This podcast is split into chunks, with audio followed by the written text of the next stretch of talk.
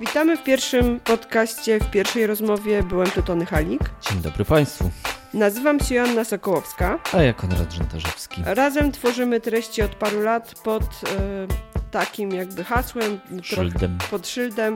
Byłem tu Tony Halik. Mamy nadzieję, że nas znacie. Jeśli nie, to mm, mamy nadzieję, że się zaprzyjaźnimy na dłużej. E, piszemy, publikujemy na blogu, na, w mediach społecznościowych, e, głównie na temat naszych podróży. Najchętniej podróżujemy do Azji, a najchętniej e, wśród tych krajów Azji jeździmy do Japonii.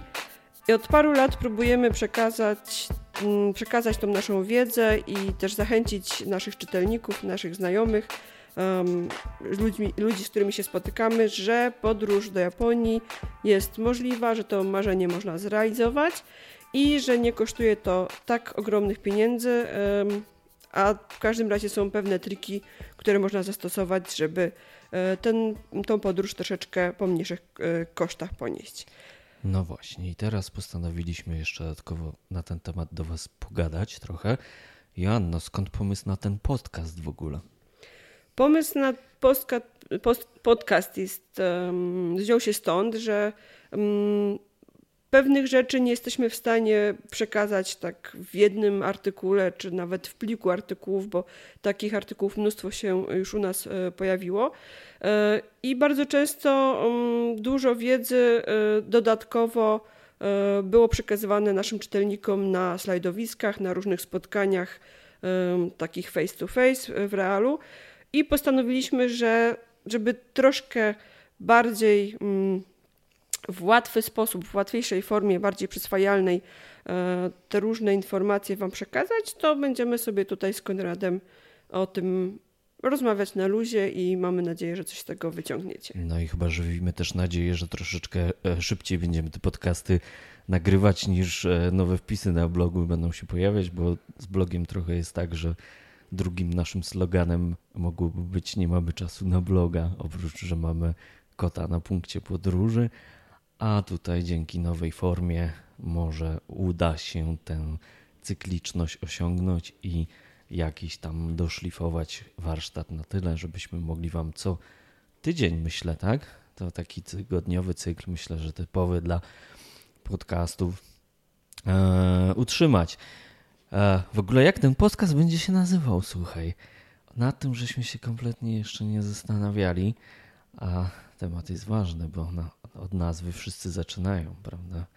Jak ten podcast w ogóle odszukać w internecie. Może mamy kota na punkcie Japonii. mamy kota i dwa mikrofony i będziemy ich teraz używać, słuchajcie. E, w ogóle to ten pomysł, żeby pogadać trochę o podróżach i o mm, Dzisiejszy temat to właściwie ma się kręcić e, wokół takich pierwszych, pierwszych przygotowań e, i mm, różnych czynności, które trzeba podjąć, kiedy się zaczyna ten wyjazd do Japonii organizować. Ten pomysł w ogóle troszkę się zrodził też z tego, że prowadzimy grupę o podróżowaniu do Japonii. Pozdrawiamy wszystkich. 3,5 tysiąca osób, czy ile tam teraz jest no na tak, liczniku? Tak, mniej więcej. Mam nadzieję, że, że, że niedługo będzie nas jeszcze więcej. E, I postanowiliśmy też trochę w tym podcaście podsumować pewne rzeczy, odpowiedzieć na pytania, które są poruszane tak naprawdę prawie codziennie i żeby to wszystko zebrać w jednym miejscu, nie rozdrabniać się, taki troszeczkę um, takie kompendium na temat podróżowania do Japonii.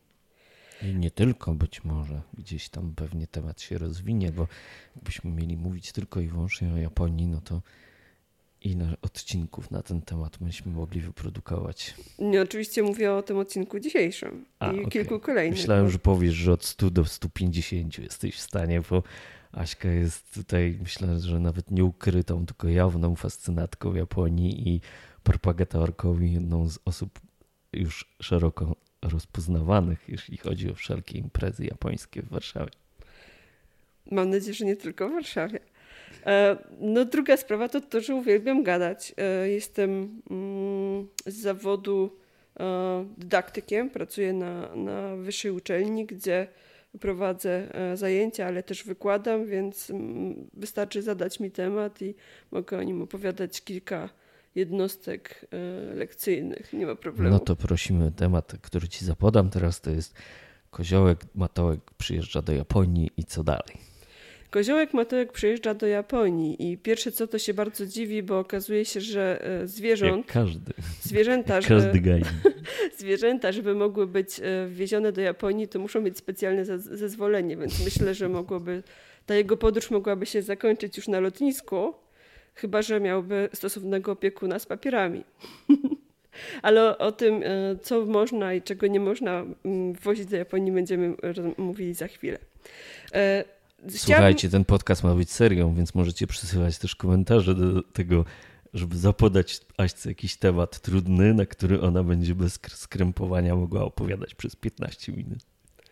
Ostatnio Konrad e, zadał mi taki temat na 15 minut, a skończyło się na 25. Nawet nie zorientowałam się kiedy, więc jest szansa. E, ale tak jak Konrad mówi, e, ma ten być podcast na serio, więc chcemy mimo wszystko, oprócz tych naszych tutaj przekomarzeń i żartów, zamieścić w nim jednak troszeczkę takich informacji na serio. I pierwsze właściwie takie pytanie, i od tego postanowiłam, że chyba dzisiaj zaczniemy tą rozmowę, to jest kwestia biletów. W ogóle y, mamy taką y, tradycję na naszej grupie, że jeżeli ktoś dołącza, to tam trochę o sobie opowiada. Y, no i oczywiście może, może zadawać te pytania, i tak naprawdę jednym z pierwszych y, pytań, które pojawiają się praktycznie non-stop, no to gdzie szukać tych tanich biletów do Japonii? Więc Konrad, powiedz, gdzie ty szukasz tanich biletów do Japonii?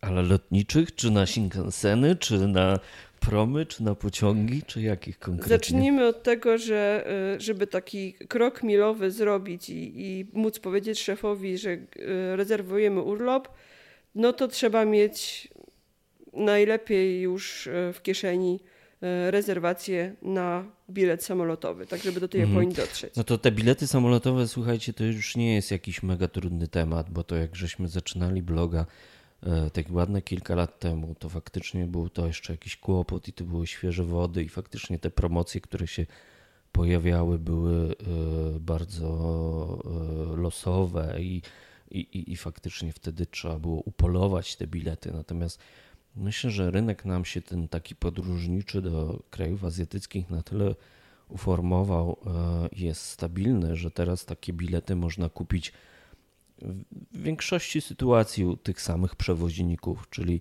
dobre oferty mają e, Emiraty, dobre oferty często ma Katar, dobre oferty ma Turkish. Wszystkie te takie linie lotnicze, które e, są hubem na gdzieś tam dalsze podróże po krajach azjatyckich nie wiem, co do tej listy jeszcze mógłbym dodać. E, Aeroflot może.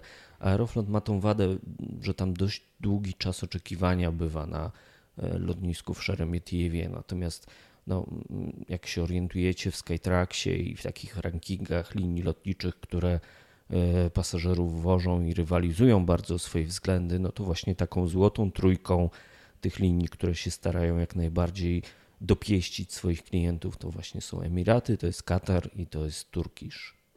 Ja do tej listy dodam jeszcze dwóch przewoźników, a mianowicie Finnair, e, które to połączenia w bardzo korzystnych cenach oferowane są nie tylko do Tokio, ale też do Osaki na lotnisko e, Kansai. E, przy czym oczywiście te loty odbywają się przez Helsinki. Może to się komuś wydawać, że się cofa, potem się leci troszkę inną trasą, e, większym łukiem już potem do Japonii. E, I te linie też potrafią dopieścić e, swoich klientów. Mi się zdarzyło być na przykład upgrade'owaną do klasy premium. I leciałam sobie raz do Japonii należąco Ale chyba nie ma co mówić, że to jest reguła, także nie nastawiajcie się na to, że będziecie lecieć w biznesie za cenę ekonomii.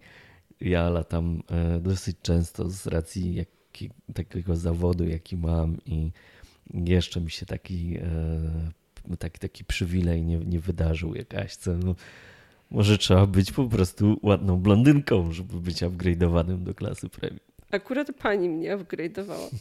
W każdym razie e, chciałam jeszcze dodać e, jednego przewoźnika, który może nie ma jakiejś super nowoczesnej floty. Chodzi mi o British Airways Um, natomiast e, te dosyć wysłużone samoloty, w moim przekonaniu, są bardzo wygodne. Mają szerokie siedzenia, które dla mnie są o wiele bardziej um, atrakcyjne niż e, super krótki, bezpośredni lot ciasnym Dreamkiem. E, poza tym. Podobno British również zamówił Dreamlinery. O nie. Ja wiem, że ty jesteś gorącą fanką tych samolotów, ale dla mnie one mają jedną niezaprzeczalną zaletę, mianowicie, że mają gigantyczne ekrany w siedzeniach i można odrobić sobie zaległości kinowe, szczególnie kino akcji. E, Mission Impossible, Fallout, e, Venom. To były dwa filmy, które sobie obejrzałem ostatnio podróżując Dreamkiem i nie narzekam.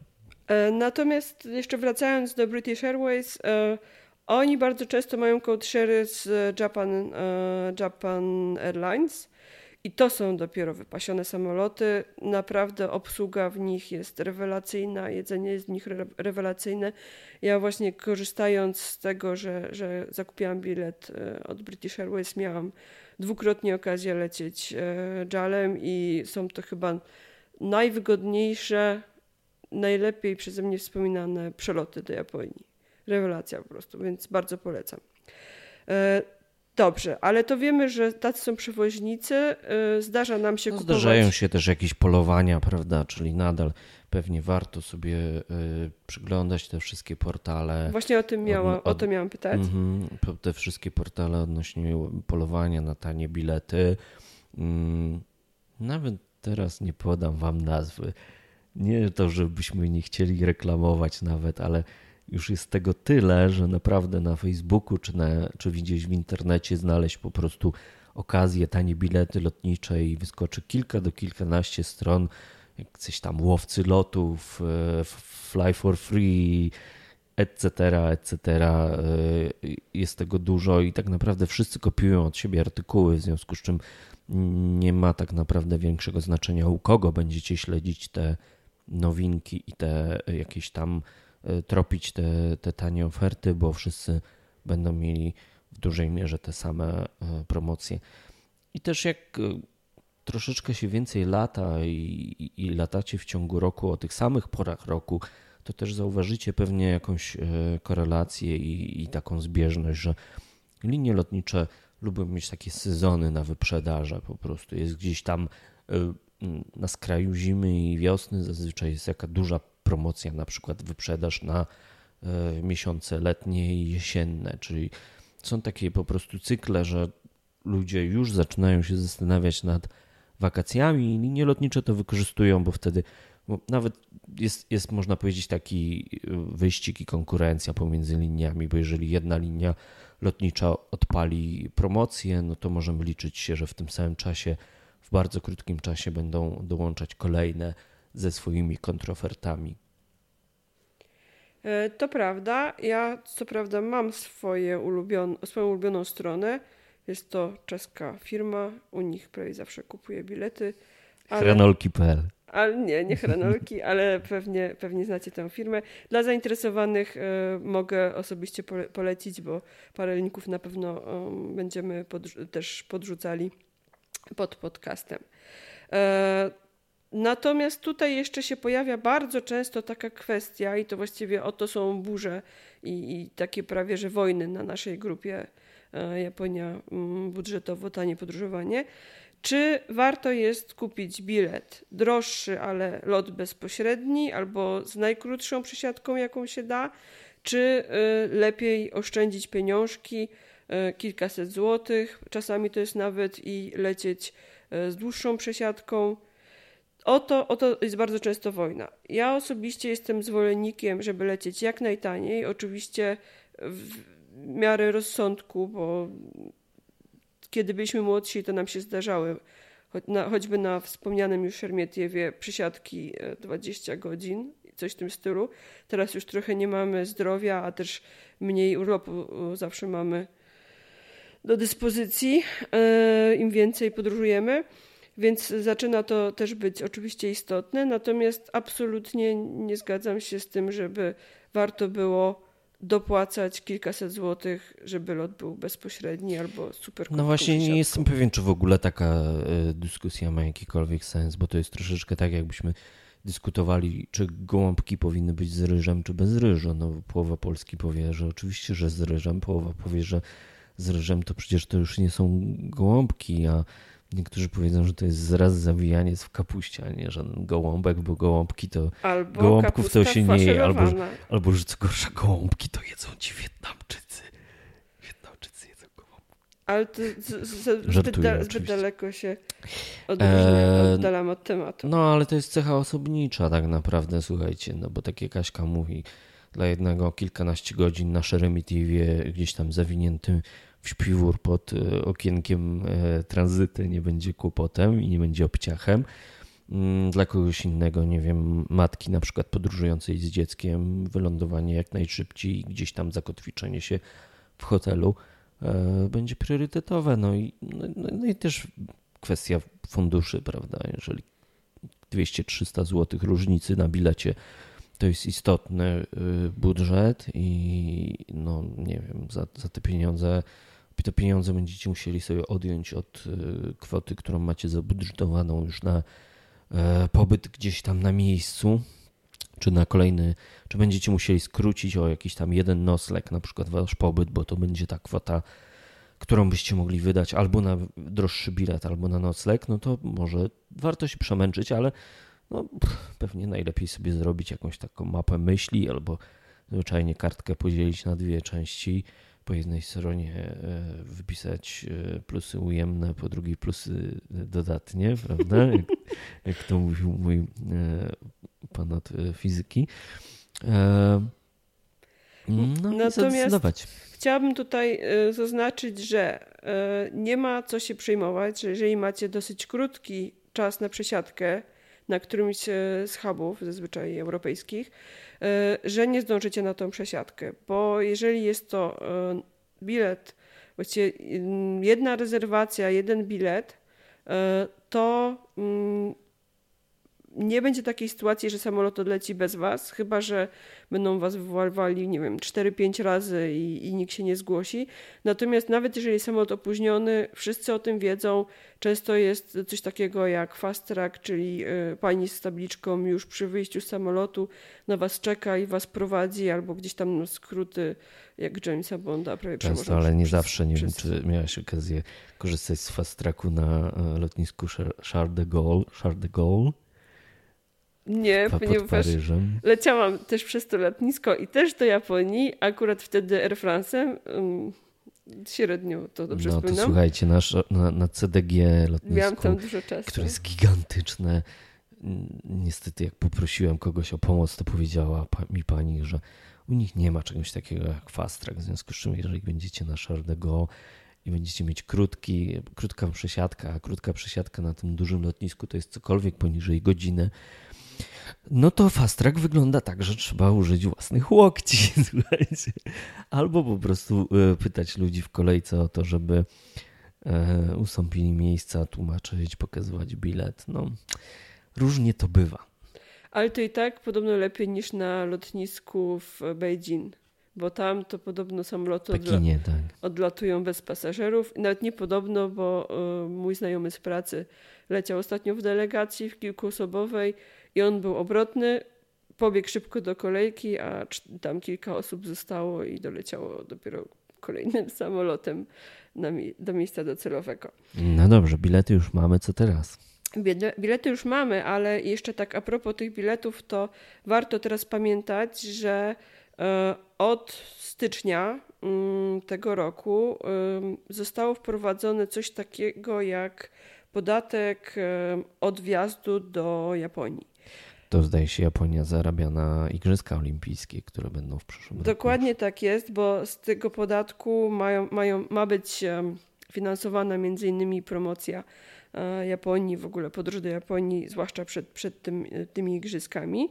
E, Podatek ten jest naprawdę, nie jest to duża kwota, bo jest to 1000 jenów, czyli na, patrząc po dzisiejszym kursie, jest to 35 zł, niecałe, coś koło tego. E, Natomiast ten podatek doliczany jest już e, w tym momencie, no to już funkcjonuje, doliczany jest do ceny biletu. Czyli nie jest tak, że wysiadamy na lotnisku i się martwimy, czy mamy dolary, jeny, czy w ogóle złotówki przyjmą, E, jest to doliczane już w momencie, kiedy kupuje się bilet na samolot albo mm, bilet na podróż drogą morską. Oczywiście tam są jakieś zniżki, a nawet niektórzy są zwolnieni z tego podatku. Jeżeli jest to tranzyt, przez lotnisko japońskie lecimy gdzieś indziej. Jeżeli przybywamy w Japonii bodajże mniej niż jedną dobę, to chyba też to jest wtedy anulowane. W każdym razie nie jest to żadne oszustwo. Jak będziecie kupować bilet i doliczą Wam około 35 zł, to znaczy, że chodzi o ten właśnie podatek e, wjazd, wjazdowy, podatek od wjazdu do Japonii. Więc o tym jeszcze chciałam e, powiedzieć, bo to jest dosyć taka nowa informacja. E, a zwłaszcza, że w internecie krążą informacje, że niektóre strony, które, pośrednicy, którzy sprzedają bilety, doliczają różne dziwne rzeczy, bo doliczają, na to też warto zwrócić uwagę. Była taka strona, która doliczała paręset złotych za bilety za które płatność była wykonywana inną kartą niż bodajże Mastercard. Więc takie różne dziwne triki Ale się pojawiają. lotnicze, to znaczy ci pośrednicy lotniczy. To są ci pośrednicy, tak. Też. Dlatego jeszcze... Ale to jest, nie mam wrażenia, że to są trochę takie igły, widły z igły. Że, no ja jak chciałam, jest przesada, bo chciałam nam kupić... Tam jest tysiąc jenów e, tego podatku, prawda? Czyli tak naprawdę to jest 30 coś złotych, no to no, powiedzmy, że są kraje, do których wiza kosztuje 500 zł. No właśnie, i tutaj yy, kolejne pytanie, które się pojawia, to co z tymi wizami do Japonii? Wizy nie ma. To znaczy jest, ale jej nie ma. Ale to już Aśka wam powie. No to jest tak, że jeżeli jedziemy do, turystycznie i ten mm, wyjazd trwa nie dłużej niż 90 dni, to jesteśmy zwolnieni z obowiązku wizowego. E, czy to nie jest tak, że sobie przyjeżdżamy, przechodzimy przez bramki, w ogóle już jesteśmy od razu na peronie do, do miasta, ale, bo oczywiście tam cała taka procedura, która trochę przypomina rejestrację taką przy, przy sprawdzaniu wizy się odbywa, e, bo skanują nam odciski palców, robią nam zdjęcie kamerką, pan tam wypytuje różne rzeczy, to to się wszystko odbywa, natomiast nie ma czegoś takiego jak obowiązek wizowy przy wizie turystycznej do 90, 90 dni. W praktyce to chyba nam wbijają jakąś taką wizę, tylko wbijają po prostu ona jest na, mhm. ta wiza jest na, na, na przyjeździe i w okience. To się chyba nawet nie nazywa wiza. Nie, yeah, to będzie cytat, który będzie w tym podcaście na pewno przez was e, szeroko komentowany, że w okience dostajecie wizję. E, e Tutaj jeszcze, jeszcze, jeszcze chciałbym zauważyć dwie rzeczy, które na grupie u nas zawsze są fascynują ludzi i które e, jeśli chodzi o te lotniskowe sprawy na Hanedzie czy na Ricie, że e, sprawdzana jest wam temperatura ciała oraz sprawdzane jest, czy nie wwozicie kabanosów. Dobrze, ale jeszcze to tutaj... trochę żart. tak. Z tymi kabanosami to absolutnie nie jest żart. Mm, natomiast ja jeszcze tutaj chciałam. też nie. Chciałam wspomnieć o tym, że um, oprócz tego zdjęcia i pobieranych odcisków palców, i oprócz tej karteczki, którą nam wklejają, właściwie przypinają często jakimś spinaczem, e, w paszporcie, który absolutnie nie można zgubić, bo potem ją trzeba okazać przy wyjeździe, to jeszcze zanim dojdziemy do tego okienka, trzeba wypełnić coś, co się nazywa Immigration Form, czyli e, formularz imigracyjny. To się wypełnia zazwyczaj w samolocie albo potem na kolanie już przed, przed tym okienkiem, co jest dużo bardziej um, frustrujące, zwłaszcza, że e, taki tip Wam chciałam dać. W tym formularzu trzeba podać e, adres e, miejsca, w którym się zatrzymujemy. Nie musi to być jakiś adres, który jest bezpośrednio z nami związany. Może to jak najbardziej być e, adres pierwszego miejsca, w którym się zatrzymujemy, hotelu, hostelu. Ważne, żeby coś tam wpisać, bo... Ja mam wrażenie, że tego nikt nigdy nie sprawdza. No, chyba nawet... żartujesz. Przecież dokładnie o to, jeżeli ktoś nie wpisze tego, ja ci to zawsze wpisywałam w twoim formularzu, pytają na tych bramkach. Jeżeli ktoś... Słuchaj, nawet czytałem ostatnio na forum, nie, nie odnośnie Japonii, ale innego kraju, bo chyba praktycznie wszystkie wnioski takie wizowe czy wjazdowe o wjazd turystyczny do kraju mają taką pozycję i jeden, jeden z tam z dyskutantów pisał, że całe swoje życie wpisuje tam hotels i że to przechodzi. E, w Japonii troszeczkę jest inaczej. Tam um, na okienkach pracują e, służbiści. Chyba już zapomniałeś, jak Ale raz. Bardzo mini. Raz jechaliśmy e, do Japonii na Hanami i wtedy nocowaliśmy u naszej znajomej. E, nie, wtedy chyba nawet podaliśmy ten adres, ale innym razem, kiedy nocowaliśmy u znajomej z Airbnb.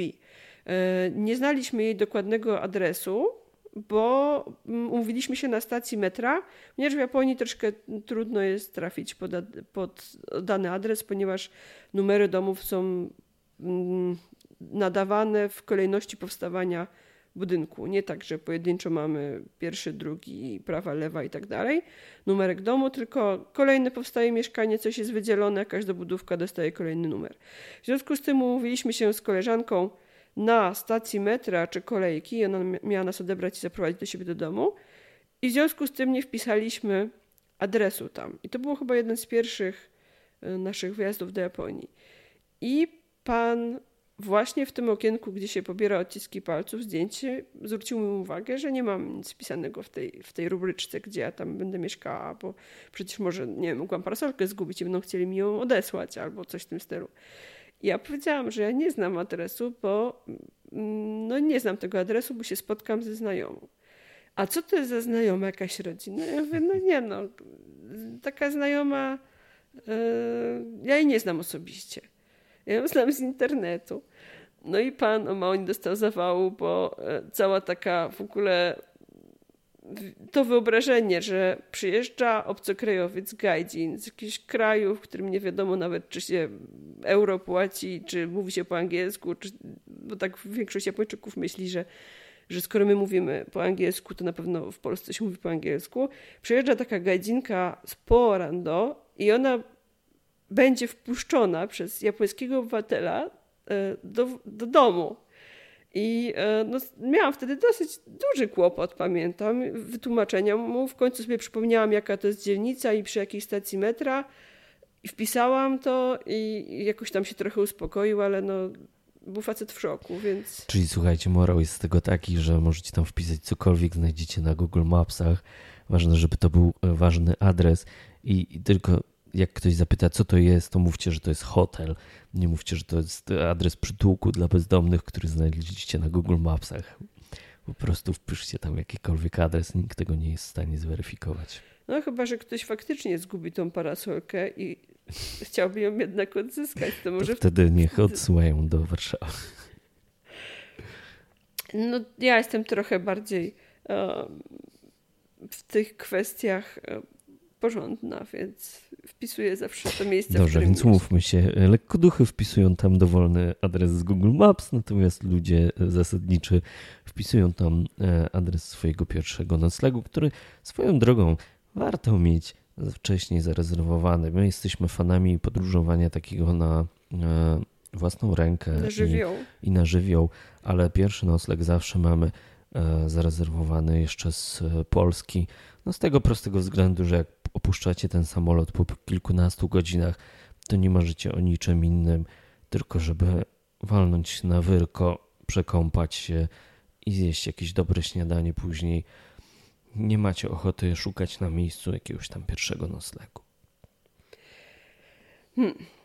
To jeszcze tak, zanim wyjdziemy może z, z tego samolotu, to jeszcze tutaj chciałam wspomnieć o e, kilku rzeczach, które warto do tego samolotu zabrać, tak żeby mieć się pod ręką. Paszport warto wziąć. Warto wziąć paszport, bo bez niego prawdopodobnie nie wpuszczą nas na podkład samolotu. Natomiast warto też mieć ze sobą długopis, właśnie po to, żeby ten adres przytułku wpisać do formularza, a także całą kupę innych danych.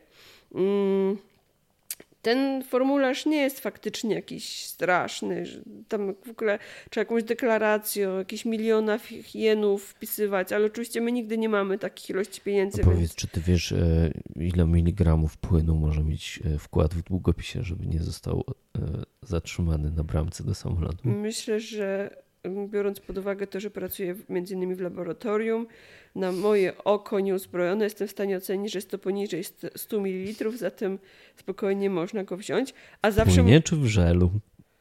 do żele się zaliczają według celników do płynów.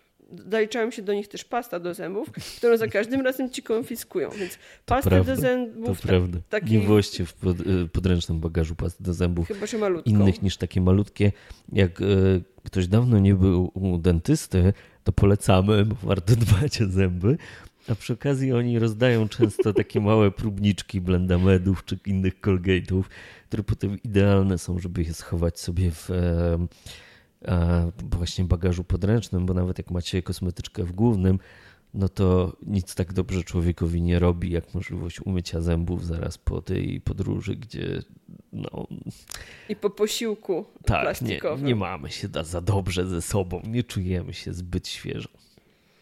E, to pasty dużej nie warto, małą pastę warto. Co jeszcze według ciebie warto zabrać? Ty zawsze zabierasz słuchawki. Swoje własne. Tak, ja biorę słuchawki od kilku lat. e, Wykosztowałem się na takie, słuchajcie, trochę lepsze słuchawki. I to nie bez powodu, bo e, no, podróż samolotem jest uciążliwa z kilku e, przyczyn. Przede wszystkim jest mega sucho na pokładzie, więc trzeba dużo pić. I to nie jest dobra wiadomość dla tych, którzy lubią pić dużo piwa i, i, czy innych alkoholi, bo to jeszcze bardziej wysusza, ale no, po prostu powietrze jest mega suche i trzeba, trzeba pić najlepiej wodę niegazowaną, oczywiście ewentualnie jakieś soki. E, Ale drugi problem, który się pojawia, jak się podróżuje dużo samolotem, no to, to jest hałas. I Jednakże ten hałas od silników e, powoduje to, że potem jak się wysiada z takiego samolotu, no to ma się dwa razy czy trzy razy większy obwód głowy niż się powinno mieć, bo po prostu puchnie ta głowa od, od ciągłego harmidru. No tak jakbyście w fabryce byli na zmianie przez 8 godzin i słuchali tych maszyn, które gdzieś tam monotonnie sobie w tle pracują. Oczywiście, że po godzinie czy dwóch przestajecie w ogóle to rejestrować i nie trafia to do waszej świadomości, ale jak tylko wysiadacie z samolotu, to nagle to was przytłacza i to do was trafia właśnie, że no jednak ten hałas był tak nużący i był tak dobijający. Dlatego mm, właśnie wykosztowanie się troszeczkę na takie fajniejsze słuchawki z e, aktywnym anulowaniem szumu, chyba się to po polsku mówi, Active Noise Cancellation, e, jest bardzo dobrym rozwiązaniem, bo zwyczajnie wychodzi się z takiego samolotu dużo, dużo lepszym stanie, dużo bardziej, e, no ciężko powiedzieć, że wychodzi się z samolotu wypoczętym, bo to trzeba być Casey Neistatem, który podróżuje w pierwszej klasie i po prostu śpi sobie na podróżach transatlantyckich, no ale wychodzi się zdecydowanie bardziej e, mniej zmęczonym niż tacy ludzie, którzy ten, te odgłosy e, wysłuchują przez kilkanaście godzin. To też ma, słuchajcie, taką dobrą zaletę taki u- uboczną, uboczny skutek, ale bardzo pożądany, że jeżeli na pokładzie są jakieś dzieciaki i te dzieciaki hałasują, to te słuchawki też bardzo dobrze wyciszają te hałasy. No i na pewno mm, przyjemniej się ogląda te filmy, o których wspominasz, bo te słuchawki, które są dawane w samolocie na ogół są bardzo bolesne. Przyjemnie się ogląda filmy, to prawda. e, Jeżeli słuchawki nie są bardzo uciskające, warto dobrać sobie takie z elastycznym pałąkiem i z miękkimi welurowymi e, nausznikami. Oczywiście takie, takie konstrukcje, gdzie całe uszy są schowane, żeby dodatkowo to izolowało nas od świata zewnętrznego i wtedy po pierwsze, że takie słuchawki są idealne, jeżeli chcemy sobie posłuchać muzyki, bo chcemy sobie posłuchać waszego ulubionego podcastu, na przykład, który można przecież ściągnąć przed wejściem do samolotu i potem sobie odsłuchać. Podcasty idealna rzecz do samolotów polecam. Ja sam y, posłuchałem sobie dwóch podcastów teraz, jak leciałem y, z powrotem do Warszawy y, niecały miesiąc temu. Y, ale też jak właśnie śpicie, to nawet nie trzeba włączać żadnego źródła dźwięku. Cały czas to niwelowanie hałasu, to niwelowanie szumów z zewnątrz działa w słuchawkach, nawet jeżeli żaden dźwięk przez nie, nie się nie wydobywa. Ja nie mam aż takich strasznych, strasznie, strasznie wymagających uszu, ani też nie cierpię tak bardzo od tego szumu, więc y, mam takie trochę normalniejsze, y, zwykłe, tańsze słuchawki niż Konrad, ale też, też się przydają. Natomiast y, w niektórych starszych, pamiętam, samolotach była taka opcja, że u nich były chyba słuchawki jeszcze mono, trzeba było mieć swoją przejściówkę, żeby własne słuchawki podłączyć, ale to chyba już się nie zdarza w tych czasach, nie? E, jeżeli macie własne słuchawki, no to w samolocie trzeba mieć obowiązkowo taką przejściówkę z pojedynczego jacka, mini jacka na, na podwójne dwa mono jacki, bo jednak 90% jeszcze samolotów ma takie właśnie no gniazda, że trzeba wetknąć przejściówkę, tak. Także no szczęśliwie większość słuchawek, które się teraz kupuje takiej właśnie z e, redukcją szumów, e, no, ich twórcy dobrze zdają sobie sprawę, że jednym z takich ważniejszych rynków jest rynek samolotowy, więc no, takie przejściówki dołączają. A jeśli nie, no to portal aukcyjny 10 zł czy tam 5 zł i można też taką przejściówkę kupić po prostu. Przejściówka samolotowa, słuchawkowa trzeba wpisać. E, co jeszcze nam się może przydać do samolotu na pokład? Ja zawsze biorę oczywiście jakąś mini kosmetyczkę z kremem nawilżającym, um, płyn do soczewek w pojemniczku, tym malutkim, um, soczewki do zdjęcia, jakieś tam rzeczy do odświeżenia. E, natomiast czasami zabieram też czapkę, ponieważ należę do tych osób, które dosyć cierpią w klimatyzacji w ogóle w niskich temperaturach. Wszystko poniżej 25 stopni to jest dla mnie zimno. E, a już parę razy się załatwiłam w samolocie, że nawiew, którym nie byłam w stanie jakoś tam sterować z klimatyzacji, nawiał mi na czoło, więc zawsze mam e, bluzę z kapturem i czapkę. E, czasami biorę też swoje własne grube skarpety, bo te, co często dają w tych paczuszkach na długie loty, Mm, to są dla mnie niewystarczające, jest mi zwyczajnie zimno. Więc coś ciepłego, e, coś nawadniającego do picia, coś nawadniającego na skórę e, warto wziąć ze sobą. Oczywiście wszystko w malutkich pojemnościach do 100 ml max.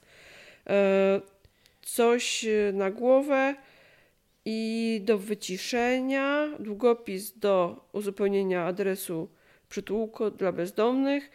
I co, coś jeszcze? Tak, ja, ja dosyć długo to bagatelizowałem, ale teraz, teraz jestem już dziadkiem, można powiedzieć, więc daję moim dzieciom to, co najlepsze, wnukom, czyli Werther's Original.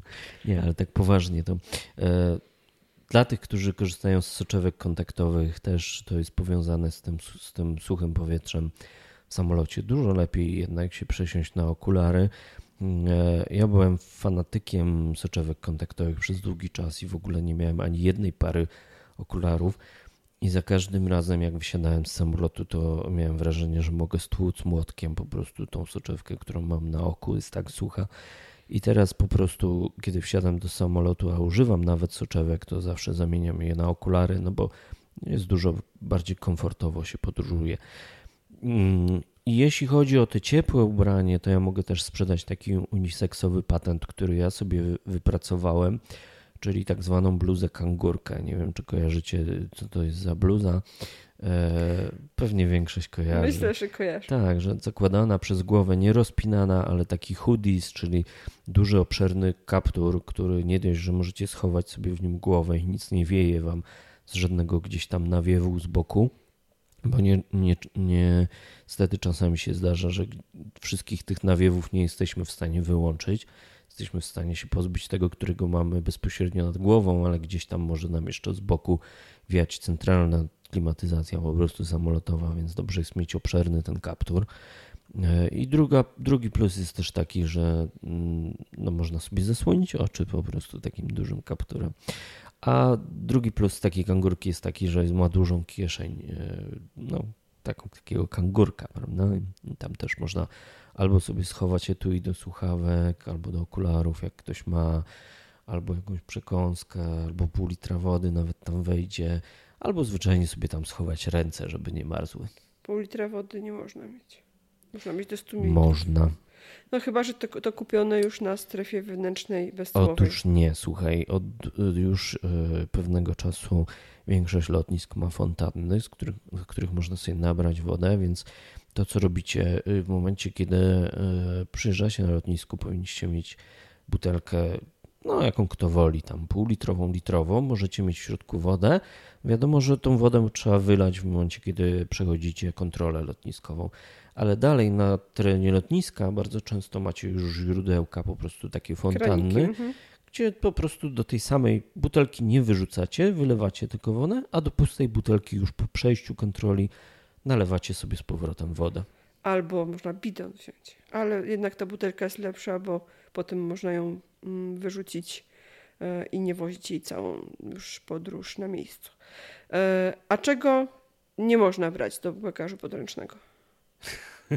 Ja zawsze zapominam o scyzoryku, dlatego sobie przyczepiłem taką e, tasiemkę lotniczą Remove Before Flight. To prawda, ostatnio odbierałam ten scyzoryk od ciebie z kolejki. No to tych płynów i past wszelkich takich żelopodobnych w objętościach 100 ml. A czego nie no to może... różnie bywa, słuchajcie. No najlepiej się zapoznać z tymi instrukcjami, które macie zawsze dostępne w momencie, kiedy już rezerwujecie bilet, bo to dla konkretnych mm, linii lotniczych te przepisy bywają różne i bywają też różne w różnych relacjach. Czasami jest problem z e, baterii bankami, czasami jest problem z podróżowaniem z dronami. Jedyna reguła, jaką możemy się z Wami podzielić, to że nie ma żadnej reguły, że to bardzo zależy od lotniska. Bardzo zależy od lotniska. Niektórzy pilnują tego, żeby wszystko było w foliowych woreczkach przieroczystych, inni wcale. E, niektórzy wyrzucają nożyczki do paznokci, e, w innych to przechodzi, w niektórych e, liniach nawet nie pozwalają wieść swojego alkoholu zakupionego na strefie bezsłowej, zapakowanego w tą folię i opieczętowaną, więc jeżeli lecimy przez Katar albo przez Emirat, przez lotnisko e, w Dubaju, to może, może, może się to zdarzyć, że będą chcieli nam to skonfiskować, pomimo tego, że, że było kupione na lotnisku. E, natomiast e, może się zdarzyć, że nie można mieć w bagażu podręcznym zapalniczki, a tej zapalniczki czasami nie można mieć nawet w bagażu głównym. To jest, naprawdę nie ma, nie ma reguły. Natomiast jest reguła, e, czego nie wolno mieć w bagażu nadanym, czyli tym głównym, który dajemy do luku, bo jeżeli ktoś mi nie wierzy, może to sprawdzić na stronie Ministerstwa Spraw Zagranicznych. E, jeżeli chodzi o wjazdy do Japonii, obowiązuje całkowity zakaz włożenia żywności pochodzenia zwierzęcego, czyli różnego rodzaju wędlin, e, nawet jeżeli są to produkty zakupione w strefach bezcłowych, bo teraz na Okęciu na przykład jest taki sklepik, gdzie są takie swojskie rzeczy, jakieś tam pasztety, miody. Z gęsi. I, tak. Więc absolutnie nie mogą to być pochodzenia zwierzęcego. Mm, nie, mogą, nie można wwozić kwiatów, także ciętych. Nie można wwozić oficjalnie owoców, roślin i nasion.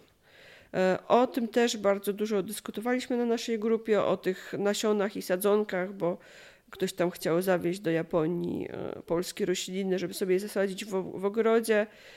Nie wolno tego robić, jest, e, jest zakaz przewożenia. Zatem te wszystkie kabanosy, o których już krężą legendy, oficjalnie nie wolno ich wozić do Japonii jest to zakazane, można za to beknąć. Ja nie mówię, że każdemu przetrzepują bagaż, bo oczywiście, że nie jest tak. Natomiast no, trzeba się liczyć z tym, że jest to zakazane. Tak się i... śmiejemy z tych kabanosów, bo to są dwa bardzo częste tematy, które się zdarzają. Czyli po pierwsze, bardzo często nasi rodacy lubią wozić ze sobą jedzenie, no bo przecież takiego jedzenia w Japonii nie ma, prawda? Więc jak oni przeżyją te dwa czy trzy tygodnie czy więcej. Bez polskiej bez kiełbasy. wędliny. No właśnie. A drugi temat to są znajomi, których się tam odwiedza, bo całkiem sporo już y, mamy y, jakichś tam kontaktów. Ludzi, którzy są w Japonii, ludzi, którzy stamtąd pracują, być może nawet pracują w Polsce, ale mieszkają w Japonii. No bo coraz większa się tam Polonia robi, coraz y, też my lepiej zarabiamy, więc czemu sobie nie, by nie pomieszkać w Japonii pracując nawet gdzieś tam dla Polaków. No i oni też tęsknią za tymi naszymi swojskimi e, produktami. wędlinami, produktami. Dlatego nie był w Japonii ten, kto przynajmniej raz nie przemycił kabanosów. Albo sera pleśniowego, albo ziół Chociaż te zioła w torebkach to, to już nie, to nie, nie są traktowane już jako rośliny czy jako nasiona. Z tymi nasionami, roślinami ja wiele razy spotykałam się z, taką, z takim żalem, dlaczego nie wolno, nie wiem, tych polskich nie wiem, jakiś roślinek do ogródka przesadzić, ale chodzi o to i to właściwie działa w obie strony, że nie powinniśmy przywozić gatunków, zwłaszcza tych endemicznych, ponieważ możemy zanieczyścić zniszczyć florę tą na miejscu w Japonii. Jeżeli możemy, może się okazać, że nie wiem, jakiś gatunek rośliny, która u nas e, jest w ogóle nic specjalnego, może się okazać, że ona będzie agresywna e, dla lokalnych roślin. Ja myślę, że to jest trochę związane w ogóle z e, podejściem Japończyków, no bo oczywiście możemy mówić o jakichś zagrożeniach, ale też jeżeli mówimy o podróżach lotniczych i w ogóle epidemiologii, to to wszystko bazuje na szacowaniu, ocenie ryzyka, prawda? Tutaj nie możemy mówić o czymś e, w kategoriach pewności, że, że faktycznie e, ileś tam procent e, podróżnych może taką, takie niebezpieczeństwo sprowadzić lub nie. Natomiast tutaj mamy z drugiej strony mm, japoński takie, można powiedzieć nawet obsesyjne, mm, obsesyjne wyczulenie na punkcie higieny. I no, to, jak my odczytujemy higienę jak my odczytujemy bezpieczeństwo sanitarne, a jak to robią Japończycy, no myślę, że tutaj jest dosyć spora przepaść między nami, że Japończycy jednak są dużo bardziej wyczuleni na to, e, czym jest czystość, czym jest higiena, czym, czym jest e, właśnie e, przestrzeń publiczna, która powinna być zachowana w takim stanie, żeby nie, nie powodować jakiegoś tam zagrożenia dla ludzi to tutaj taką dygresję e, wtrącę.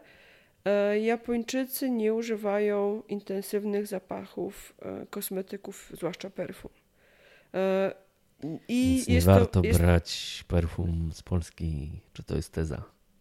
Nie warto brać perfum z Polski na pewno na prezenty, bo nie zostanie to docenione i nie warto, znaczy nie będzie dobrze odczytane, jeżeli my będziemy się mocno perfumować i będziemy tak po Japonii chodzić. Zwłaszcza jeżeli korzystamy ze środków e, transportu publicznego. To jest dla nich nieprzyjemne.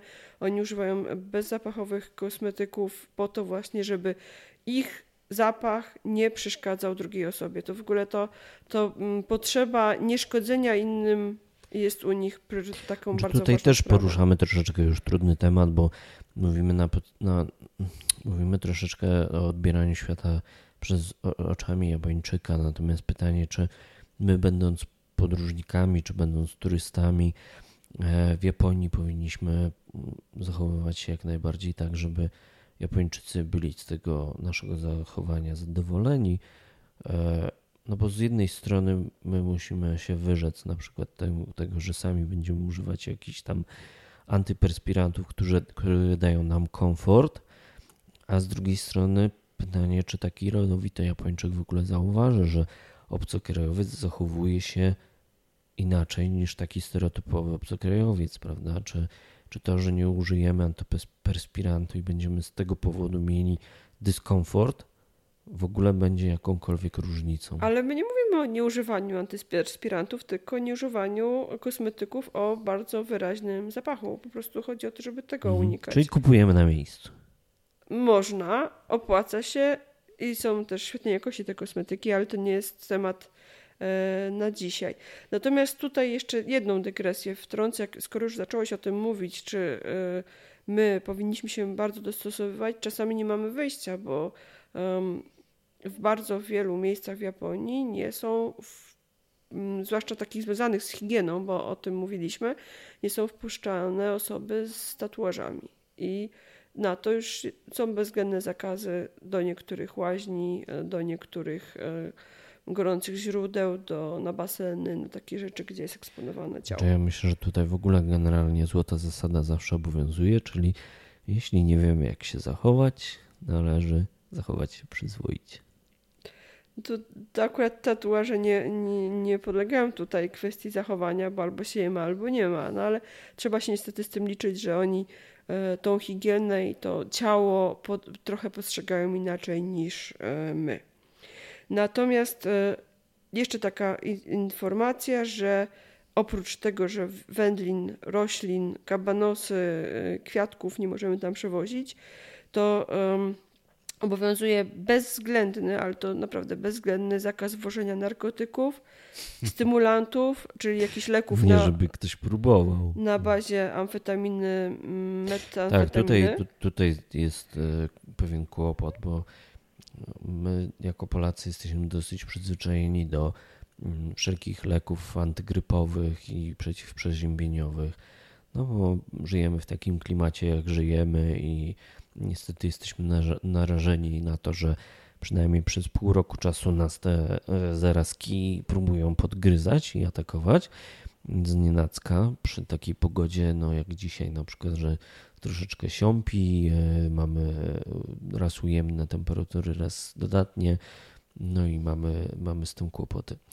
Natomiast e, jeśli chodzi o przewóz takich leków e, właśnie grypowych do innych krajów, trzeba bardzo uważać na substancje, które u nas są dozwolone, a w innych krajach nie są. I tutaj na przykład jest, jest, jest taką jedną z substancji pseudoefedryna, która w wielu substancjach właśnie antygrypowych, w wielu lekach antygrypowych występuje, a w innych krajach jest zwyczajnie używana, uznawana jako narkotyk. E, natomiast niezależnie od tego, w jakiej jesteśmy kondycji zdrowotnej, e, absolutnie nie warto przewozić nic związanego z pornografią, bo e, prawo japońskie jest bardzo surowe. Dla osób przemycających właśnie narkotyki, czy tam broń, czy, czy materiały pornograficzne. Nawet z mackami ośmiornicy? I dlaczego, dlaczego o tym mówię? Bo e, możecie się zdziwić, ale w Japonii e, nawet jeżeli są dostępne na rynku e, gazety z pornografią, to wszystkie zdjęcia, wszystkie intymne miejsca są tam pozaklejane i jakby ktoś was prosił o przewiezienie nawet takiego eleganckiego playboya, to mm, nie róbcie tego, bo konsekwencje mogą być naprawdę przykre, a konsekwencje mogą być takie, że może nawet być zakaz wjazdu do Japonii przez kilka lat albo zupełnie, więc nie warto. A ciekawe jak jest w drugą stronę, czy ktoś z was przewoził jakieś hentaje i jakieś e, komiksy z mackami ośmiornic i innymi słynnymi rzeczami. Piszcie do nas. Piszcie do nas, jakie Piszcie macie do doświadczenia. Nas, czy przywieźliście jakieś chęta. E, co za to warto wziąć do bagażu głównego jeszcze w stronę do Japonii, to jeszcze takie, taką powiem jedną jedno, z radzennego tipa, którego stosujemy e, właściwie jadąc do każdego kraju Azji. Mm, wozimy ze sobą w bagażu głównym butelkę, dużą butelkę wody mineralnej.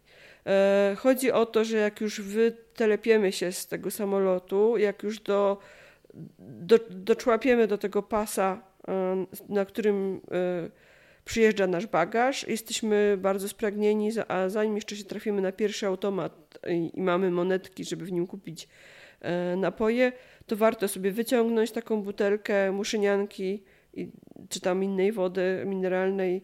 Ja akurat lubię muszyniankę, to nie jest żadna tam reklama i po prostu móc się z niej napić, bo zwłaszcza jeżeli to będzie um, pora gorąca, parna, um, to się Wam przyda. I zawsze taką wodę ze sobą osobiście wozimy. Tak, ja myślę, że to też um, bardzo jest e, indywidualne, no bo ktoś może powiedzieć, że ale przecież ja mam kartę kredytową, zwłaszcza teraz ten słynny Revolut, który jest e, też u nas na grupie bardzo popularny i, i większość osób go poleca. My też polecamy swoją drogą, bo używamy go bardzo często, czyli taka karta wielowalutowa, która się automatycznie przewalutowuje na, mm, no, na walutę danego kraju i, i nie mamy z, z racji mm, płacenia nią żadnych dodatkowych kosztów. No i ktoś może powiedzieć, przecież można sobie tą wodę kupić w dowolnym sklepiku, który będzie na za, za odprawą, prawda? Przy wyjściu z lotniska przecież są zawsze sklepiki. No tylko, że z drugiej strony te sklepiki czasami są zamknięte, prawda? Są lotniska takie, które mm, są czynne 24 godziny na dobę i sklepy są tam zawsze otwarte. A są lotniska takie, które o 22 zamierają. Jeżeli mamy bardzo późny przylot, no to możemy mieć z tym problem, że właśnie będzie nam zasychało w gardle i nie będziemy w stanie powiedzieć ani słowa. I zemdlejemy. A jak zemdlejemy, to przydałoby Na, się... na Naricie chyba tak jest, prawda, że te sklepy się zamykają po jakiejś tam godzinie. E, chyba się zamykają, natomiast jeżeli są automaty, to jeżeli nie mamy e, wgranej jakiejś tam kwoty pieniężnej na kartę Sujka, albo nie mamy e, drobnych banknotów, nie kupimy w tych automatach napoju. Więc warto tą wodę mieć. Natomiast gdybyśmy, co, co, by, co by się działo, gdybyśmy zemdla, zemdleli? To jeszcze jedna kwestia, tylko tak szybko powiem, e, że wiele osób też na grupie pyta się o ubezpieczenie. Mm, Natomiast trzeba być bardzo ostrożnym, jeżeli chodzi o to ubezpieczenie, bo e, polisy polskich firm ubezpieczeniowych z reguły nie są honorowane w Japonii i należy sprawdzić przed przyjazdem e, biurze podróży czy e, w firmie ubezpieczeniowej, czy wykupione ubezpieczenie jest faktycznie ważne w No Japonii. dobrze, a powiedz mi, jak jest taka e, polisa, która mówi na wszystkie kraje świata? To, nie E, obejmuje Japonii? Chyba nie ma takich polis, bo na ogół one są z wyłączeniem Kanady. Nie wiem tam z jakich względów, ale z wyłączeniem Kanady. Podobno nie. Podobno nie. Musi to być specjalnie taka dobrana polisa, żeby obowiązywała. I w tym celu e, trzeba e, uzyskać nazwę i numer telefonu miejscowego przedstawiciela firmy ubezpieczeniowej. E, żeby, żeby tak mm, jakby mm, mm, bezpiecznie być pewnym, że nasze, nasze ubezpieczenie działa. I to nie jest żaden mój wymysł, to też jest informacja, którą sprawdzałam na stronie Minis- Ministerstwa Spraw Zagranicznych, że No, zwraca, widzisz, to, to jest skoro- warte uwagi, bo ja o tym nigdy nie piszą, słyszałem. skoro o tym piszą, to znaczy, że to jest ważne. E, My do Japonii e, nie zawsze jeździliśmy z ubezpieczeniem. E, Zawsze jeździłam z ubezpieczeniem, kiedy jeździłam tam zawodowo, to wtedy pracodawca mi to zapewniał. Natomiast z różnych No to względów, znów jest taka bardzo osobnicza z różnych kwestia, względów prawda? nie, nie Jeżeli nie macie jakichś zapasów gotówki i nie, nie macie jakichś oszczędności, które na wypadek jakiegoś problemu mogłyby wam e, pomóc w tym, żebyście gdzieś tam jakieś świadczenia medyczne uzyskali, no to na pewno warto takie ubezpieczenie wykupić, no bo ono zwyczajnie was chroni. No ale z drugiej strony wiadomo, że ubezpieczyciele zyskują na tym, że wykupujemy wszyscy te ubezpieczenia i mało kto choruje. Więc no znów decyzję pozostawiamy wam. Kwestia jest bardzo ważna, ponieważ wizyta e, w szpitalu w Japonii jest bardzo, bardzo droga, więc jeżeli e, nie chcecie ryzykować e, opłaceniem tego z własnej kieszeni, a to są już naprawdę tysiące złotych, to warto to ubezpieczenie wykupić. Natomiast my nie zawsze jeździmy z ubezpieczeniem, ponieważ mieliśmy bardzo negatywne doświadczenia, że kiedy mieliśmy wykupioną polisę, musieliśmy tak sobie sami radzić. I, ale to jest kwestia na inny podcast, zresztą nie będziemy tutaj e, nikogo szkalować. To jeżeli będzie podcast Medyczne przypadki Tak. Joanny. medyczne przypadki Joanny, a e, przy kilkunastu latach już Szykujcie podróżowania się na odcinek specjalny. to miałam różne takie przygody, więc na zasadzie trochę anegdot mogę wam to potem poopowiadać. Ale tak summa summarum, zwłaszcza, Słuchajcie, jak już tak anegdotycznie mówimy o tym podcaście, to dawajcie znać, o czym byście chcieli posłuchać, bo my też różne tutaj sobie rozpisujemy e, jakieś tam Pomysły. pomysły na przyszłe odcinki i o czym byśmy chcieli wam opowiedzieć, ale może są jakieś takie tematy, na które byśmy sami nie wpadli, więc piszcie do nas w komentarzach, co tam byście chcieli usłyszeć od nas. O Japonii, czy w ogóle o podróżowaniu. Ja pamiętam jeszcze, że na grupie w kwestii tych spraw tych medycznych i, i wjazdu, bo cały czas jesteśmy jakby na etapie wjazdu do Japonii, pojawiła się taka sprawa, że co jeżeli ktoś e, zażywa leki takie codziennie, czyli ma jakąś tam przewlekłą chorobę i potrzebuje większą ilość leków niż tam jeden listek, co może powodować, że to wygląda jakby to, te leki, ich jest dużo, że to jest na handel, że to jakiś przemyt. E, Jeżeli ktoś na chorobę przewlekłą e, choruje i, i ma no, bogatą apteczkę, trzeba sobie zapewnić e, zaświadczenie od lekarza, że tych leków potrzebujecie i najlepiej, żeby ono było przetłumaczone też na język angielski z pieczątkami. Tak, ja z swoje, swojego doświadczenia też wam mogę powiedzieć, że często e, też e, prosi się, żeby te leki były w oryginalnych opakowaniach, więc żebyście tych leków jakoś tak nie pakowali, e, żeby jak najmniej miejsca zajmowały, tylko żeby były z instrukcją, która jest zazwyczaj w języku polskim, ale też angielskim, albo przynajmniej te substancje, które tam w tym leku występują, są, są po, łacinie. łacinie. Mhm. Natomiast takie, takie e, zaświadczenie mm, jest dodatkowe zabezpieczenie, że wam tego nie skonfiskują. Dobra, to co? To przylecieliśmy do, w końcu do tej Japonii, przeszliśmy przez e, bramki, odebraliśmy bagaż, napiliśmy się wody. I idziemy zwiedzać, albo idziemy na Jakitori. Jakitori. Ale zanim, e, zanim pójdziemy na Jakitori, przydałaby nam się gotówka, żeby kupić bilet, żeby dojechać w ogóle gdzieś z tego lotniska na miasto. I tutaj też od razu taka podpowiedź, szukajcie bankomatów oznaczonych Seven Holdings. To są bankomaty, które um, obsługują polskie karty, nie ma z nimi kłopotu, e, jeżeli chodzi o wypłacanie gotówki, zwłaszcza wspomnianą już kartą Revolut, ale też innymi. Z pozostałymi może być kłopot, bo nawet jeżeli są oznaczone jako international, to tym krajem z zagranicy, które obsługują zazwyczaj jest Chińska Republika Ludowa, nic, nic więcej. Zatem szukajcie bankomatów Seven Holdings. Jest, słuchajcie, nawet taka apka, lokalizator tych bankomatów, która działa w oparciu o GPS-a i pokazuje wam najbliższy. E, kiedyś nawet popełniliśmy takie wideo, jak wpiszecie sobie na YouTubie aplikacje e, przydatne w Japonii, to przypuszczam, że zobaczycie wtedy nas i zobaczycie mój telefon, na którym wam pokazuję szereg fajnych e, takich aplikacji, które się przydają do rezerwacji biletów pociągowych, sprawdzania połączeń, sprawdzania trzęsień ziemi, czy właśnie sprawdzania, gdzie są najbliższe bankomaty 7-Eleven.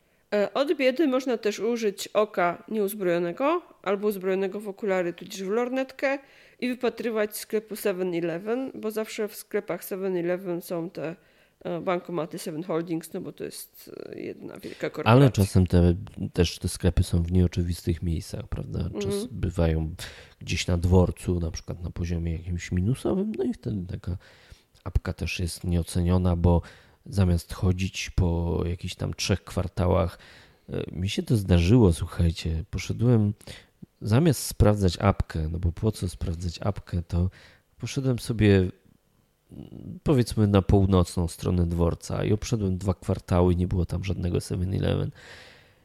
A gdybym spojrzał w tą aplikację, widziałbym, że dokładnie w przeciwną stronę, gdybym poszedł na południową stronę dworca, to od razu po wyjściu byłby sklep. Natomiast przylatującym na e, najbardziej popularne lotnisko oddalone o 100 km od Tokio, ale mówi się, że ono jest w Tokio, czyli na lotnisko w Naricie.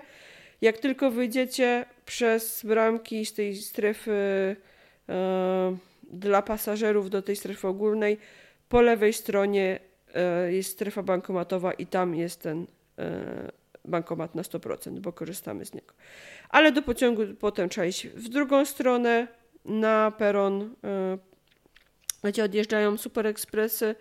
Narita, czyli Next. Szkoda, że to jest podcast, bo nie możesz mapki narysować. Nie mogę mapki, dużo tu macham właśnie przed mikrofonem rękami, w prawo, w lewo, wy tego nie widzicie, ale ja się czuję jakoś tak stabilnie, więc za te ruchy i takie trzęsienia mikrofonem to od razu z góry przepraszam.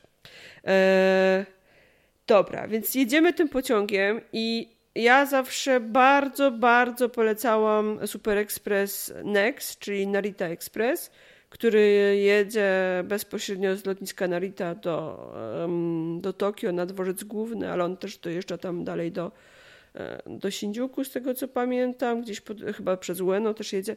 W każdym razie e, jest to super pociąg, ale drogi i są też tańsze, więc jeżeli nie macie już na ten dzień aktywnego JR Passu, o którym za chwilę powiemy, w skrócie, bo mm, myślę, że to już jest temat na kolejny odcinek, ale w skrócie możemy o tym trochę powiedzieć, e, to warto poszukać tańszych połączeń.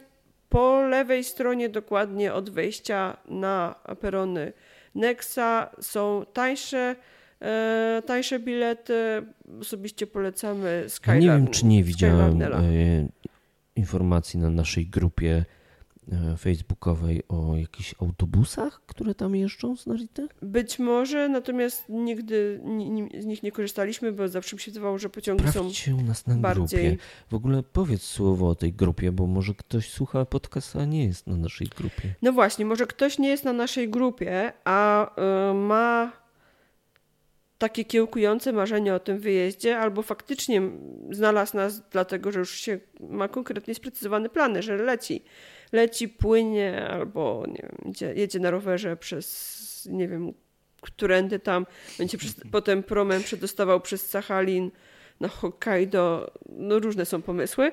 W każdym razie, jeżeli myślicie o tej e, podróży i macie już bardziej sprecyzowane plany, a przede wszystkim bardziej sprecyzowane pytania, i nie możecie się na przykład doczekać na to, że jeszcze nie ma podcastu naszego na ten temat, to zapraszamy na Facebooku e, do mm, poszukania czegoś takiego jak grupa Japonia budżetowo tanie podróżowanie. To jest nasza grupa, powinna w tych wynikach Chyba wyszukiwania nawet jak szybko- się wpisze facebook.com łamane przez Japonia budżetowo, to powinna się załadować ta grupa. Powinno się chyba budżetowo się załadować.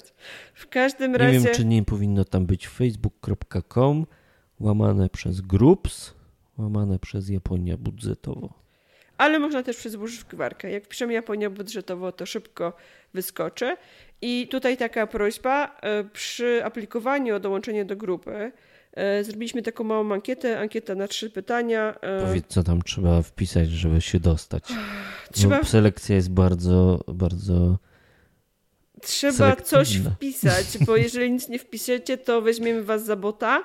Albo za, jak, za jakichś, nie wiem, sprzedawców polis ubezpieczeniowych, których nie polecamy, bo się nie sprawdziły w Nepalu. Nie będziemy wymieniali. Więc y, wpiszcie tam, czy jedzie, y, pytania są o to, czy jedziecie prywatnie, czy z wycieczką, y, prywatnie w sensie samodzielnie, czy z wycieczką, czy, czy em, czym się tam Czyli interesujecie. można na przykład wpisać mm, jeszcze nie wiem, ale być może pojadę do Japonii, bo mnie ona fascynuje. Bo lubię anime i mangi. Tak, można tak, to a jak wpisać. ktoś pisze elo ziomy, to możemy stwierdzić, że jednak na inną grupę chciał trafić. Tak, możemy tak stwierdzić. I zdecydowanie nie jest to grupa dla osób próbujących sprzedać jakieś usługi, tudzież namówić naszych Tak, grupowiczów staramy się tam pilnować porządku. do sprowadzenia jakichś rzeczy nie było za dużo nielegalnych. spamu. Więc to bardzo dużo spamu. e, A nasza grupa jest super, bo e, są w niej bardzo zaangażowani ludzie, którzy chętnie pomogą. E, Natomiast bardzo prostymi pytaniami najpierw zalecamy zerknąć do wyszukiwarki, tam jest takie okienko z lupką i po wpisaniu jakiegoś hasła kluczowego jestem pewna, że na 99% kwestia była już omówiona, bo nasza grupa istnieje już parę lat i wiele takich podstawowych rzeczy Między innymi to, o czym mówimy dzisiaj, e, było powiedziane, więc W tych grupach Mm, ciężko tak. się trochę wyszukuje facebookowych, ale pojawiły się chyba tagi też niedawno, e, że można oznaczać rozmowy można. takimi tematycznymi e, etykietami i gdzieś tam chmurka tych tagów też jest widoczna, jak się wejdzie na grupę, więc być może nawet do wyszukiwarki nie trzeba dochodzić, tylko wystarczy gdzieś tam popularny temat na tych tagach znaleźć. E, Co tam masz w swoim magicznym notatniczku? w moim powiedz? notatniczku mam jeszcze napisane, żeby wspomnieć o JR Pasie, ale tak naprawdę jest to temat e, na oddzielny podcast, bo całą Zajawmy temat. Zachęćmy, zachęćmy naszych słuchaczy naszego podcastu do tego, żeby byli z nami w przyszłym tygodniu. E, Będziemy mówić o tym, jak wygodnie, e, ale też względnie tanio podróżować po Japonii, a nie tylko po No Tokio. właśnie, bo opcji jest kilka znowu. Albo możemy skorzystać z Shinkansenów, albo możemy skorzystać z samolotów, albo co jest całkiem nowe i też dowiedziałem się o tym na naszej grupie, bo jeszcze z tej e, opcji żeśmy sami nie korzystali. Są też teraz nocne autobusy. Nocne autobusy, które Mhm. pozwalają zaoszczędzić I na noclegu. porozmawiamy sobie na te tematy i, i pozachęcamy Was do, do tego, żebyście sobie zabudżetowali też środki na, na podróż e, po Japonii. No bo Japonia no nie tylko Tokio, prawda? I warto pojeździć i w jakie regiony i dokąd i gdzie te pociągi czy samoloty docierają. O tym wszystkim wkrótce. Ale dlaczego e, chciałam wspomnieć o tym e, JR Passie? Ponieważ nie da się go kupić na miejscu. Znaczy, są już tam jakieś próby, natomiast trzeba go sobie zabudżetować, zakupić e, 3 miesiące minimum, no, do, do 3 miesięcy przed wyjazdem. Więc myśląc o wyjeździe waszym, jeżeli on będzie w czasie krótszym niż 3 miesiące, to to hasło JR Pass wpiszcie sobie w wyszukiwarkę, a jeżeli macie czas posłuchać o nim u nas, to będziemy o tym opowiadali pewnie za tydzień. Zapraszamy. Zapraszamy. Postaramy się ten podcast powiesić wszędzie, gdzie się da, czyli na pewno będzie dostępny na waszej ulubionej platformie do słuchania, na pewno będzie dostępny na iTunesie, na pewno będzie dostępny na Spotify'u. Jeżeli e, nam się to z jakiegoś powodu nie uda, to dawajcie też znać, gdzie go nie ma, gdzie byście chcieli, żeby on się pojawił. Będziemy te źródła sobie uzupełniać na bieżąco.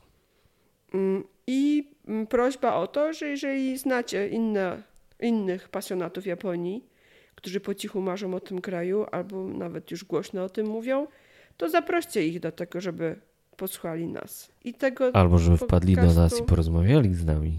Na przykład. bo bardzo chętnie tutaj siedzimy na e, kanapie.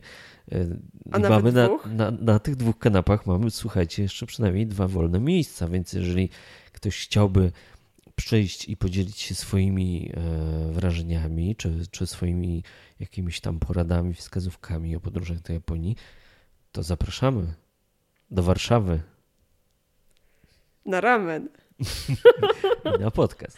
i na podcast. Dobrze. Słuchaj, Aśka, powiedz jeszcze e, krótko, e, zanim e, zakończymy i zaprosimy na następny odcinek. Co już Powie- zrobiliśmy Powie, praktycznie. powiedz e, jeszcze krótko, co nowego na blogu. Co nowego na blogu? Dzisiaj poszedł post o tym, co warto obejrzeć na mm, Netflixie, żeby się zaznajomić trochę z japońską kuchnią, ze słodyczami, różnymi potrawami. E, Więc to jest najnowszy post, a wcześniej pisaliśmy, trochę pisaliśmy o tym, mm, co różnymi, różne tematy związane z nowym lunarnym rokiem, czyli zwanym też nowym chińskim rokiem. Trochę było o języku, trochę o kanji. E, A co będzie w kolejnej, e, w kolejnych artykułach? Myślę, że pociągnę trochę temat kuchni japońskiej. E, Także podpowiedzi, co warto zjeść, e, jak się, te jak się poszczególne potrawy nazywają. Taka ściągawka dla Was, żebyście nie umarli z głodu, skoro tych kabanosów nie możecie zawieść. No dobra, to zaglądajcie do nas, e, czytajcie, mm, komentujcie. Co prawda komentarze trochę nam RODO pokrzyżowało plany, musieliśmy na blogu wyłączyć, bo okazało się, że byśmy musieli strasznie dużo e, procedur e, dopełnić i zatrudnić administratora ochrony danych osobowych, żebyśmy mogli Wam e, dać możliwość komentowania. Ale zawsze jak e, publikujemy artykuł, to pojawia się na Facebooku zajawka tego artykułu i tam na Facebooku możemy korzystać z e, komentarzy i zachęcamy Was zawsze do dyskusji, bo, bo my też tam jesteśmy i też na bieżąco odpowiadamy na e, Wasze komentarze. A zwłaszcza ja. A zwłaszcza Aśka, która uwielbia z Wami rozmawiać i odpowiadać na wszystkie komentarze Wszystkie. na wszystkie komentarze. I co jeszcze? Słuchajcie, na koniec jeszcze zachęcam Was do e, wyrażania opinii. Piszcie nam, co uważacie na temat naszego formatu. E, może są jakieś rzeczy, które powinniśmy zrobić lepiej. Może powinniśmy go skrócić. Może powinniśmy go wydłużyć do dwóch godzin. Mm, Może Jesteśmy powinniśmy elastyczni. więcej, jeszcze więcej żartować. A może wolelibyście, żeby to była taka bardziej syntetyczna forma? A może macie po prostu pomysły na to, jak nasz podcast powinien się e, nazywać, bo e, tak naprawdę jeszcze żeśmy się nie zastanawiali tak na poważnie, e, jak e, powinien się nazywać nasz podcast, jak powinniśmy go reklamować. Na razie mamy kota na punkcie Podróży. podróży, a nawet mamy go tu na kanapie. A dzisiaj e, Światowy Dzień Kota, więc pozdrawiamy wasze koty. No, ale pewnie zanim wypuścimy ten odcinek, to Kwiatowy Dzień Kota już będzie dawno za nami. Bardziej, że nagrywamy dla was tutaj, możemy kuchnię troszeczkę zdradzić, że nagrywamy dla was za 20 e, minut e, północ, więc niedługo już będziemy e, musieli kończyć. Jeśli chodzi o te tytuły, to ja mam sobie trochę takie tytuły wymyśliłem i tutaj sobie wynotowałem, więc mogę ci za, To będzie dla mnie nowość. To Tak, będzie nowość, boję się. Pierwsze, pierwsze, co sobie wymyśliłem, to jest. e, To, to, to bardzo mi się spodobało takie słówko gdzie bądź. I na przykład moglibyśmy być e, podcastem osobowym do gdzie bądźa. Do gdzie błądzia na wielbłądzie. Albo moglibyśmy nazwać podcast jak stację, na przykład gdzie bądź główny osobowy. Ja ten osobowy tak powtarzam, bo ten osobowy to był zawsze taki pociąg, którym jako student się jeździło, bo był najtańszy, ale przy okazji jak się jechało na przykład 3 czy 4 czy 6 godzin, to był czas, żeby porozmawiać o różnych rzeczach i podyskutować z ludźmi w przedziale. No nie wiem, ja to wolę Shinkansenę.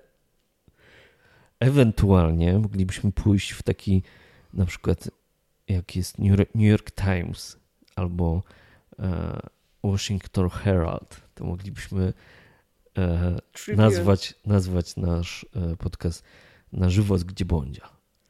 Myślę, że się przyczepił tego gdzie bądźa. Chyba, chyba mi się to nie podoba. No dobrze, to kontynuując wątek e, pociągowy, ale już bez gdzie bądźa, e, tak trochę hipstersko to będzie, ale wymyśliłem taką nazwę między Poznaniem a Przemyślem. Osobiście wolałabym między Kielcami a Warszawą. Ale Poznanie i Przemyślenie.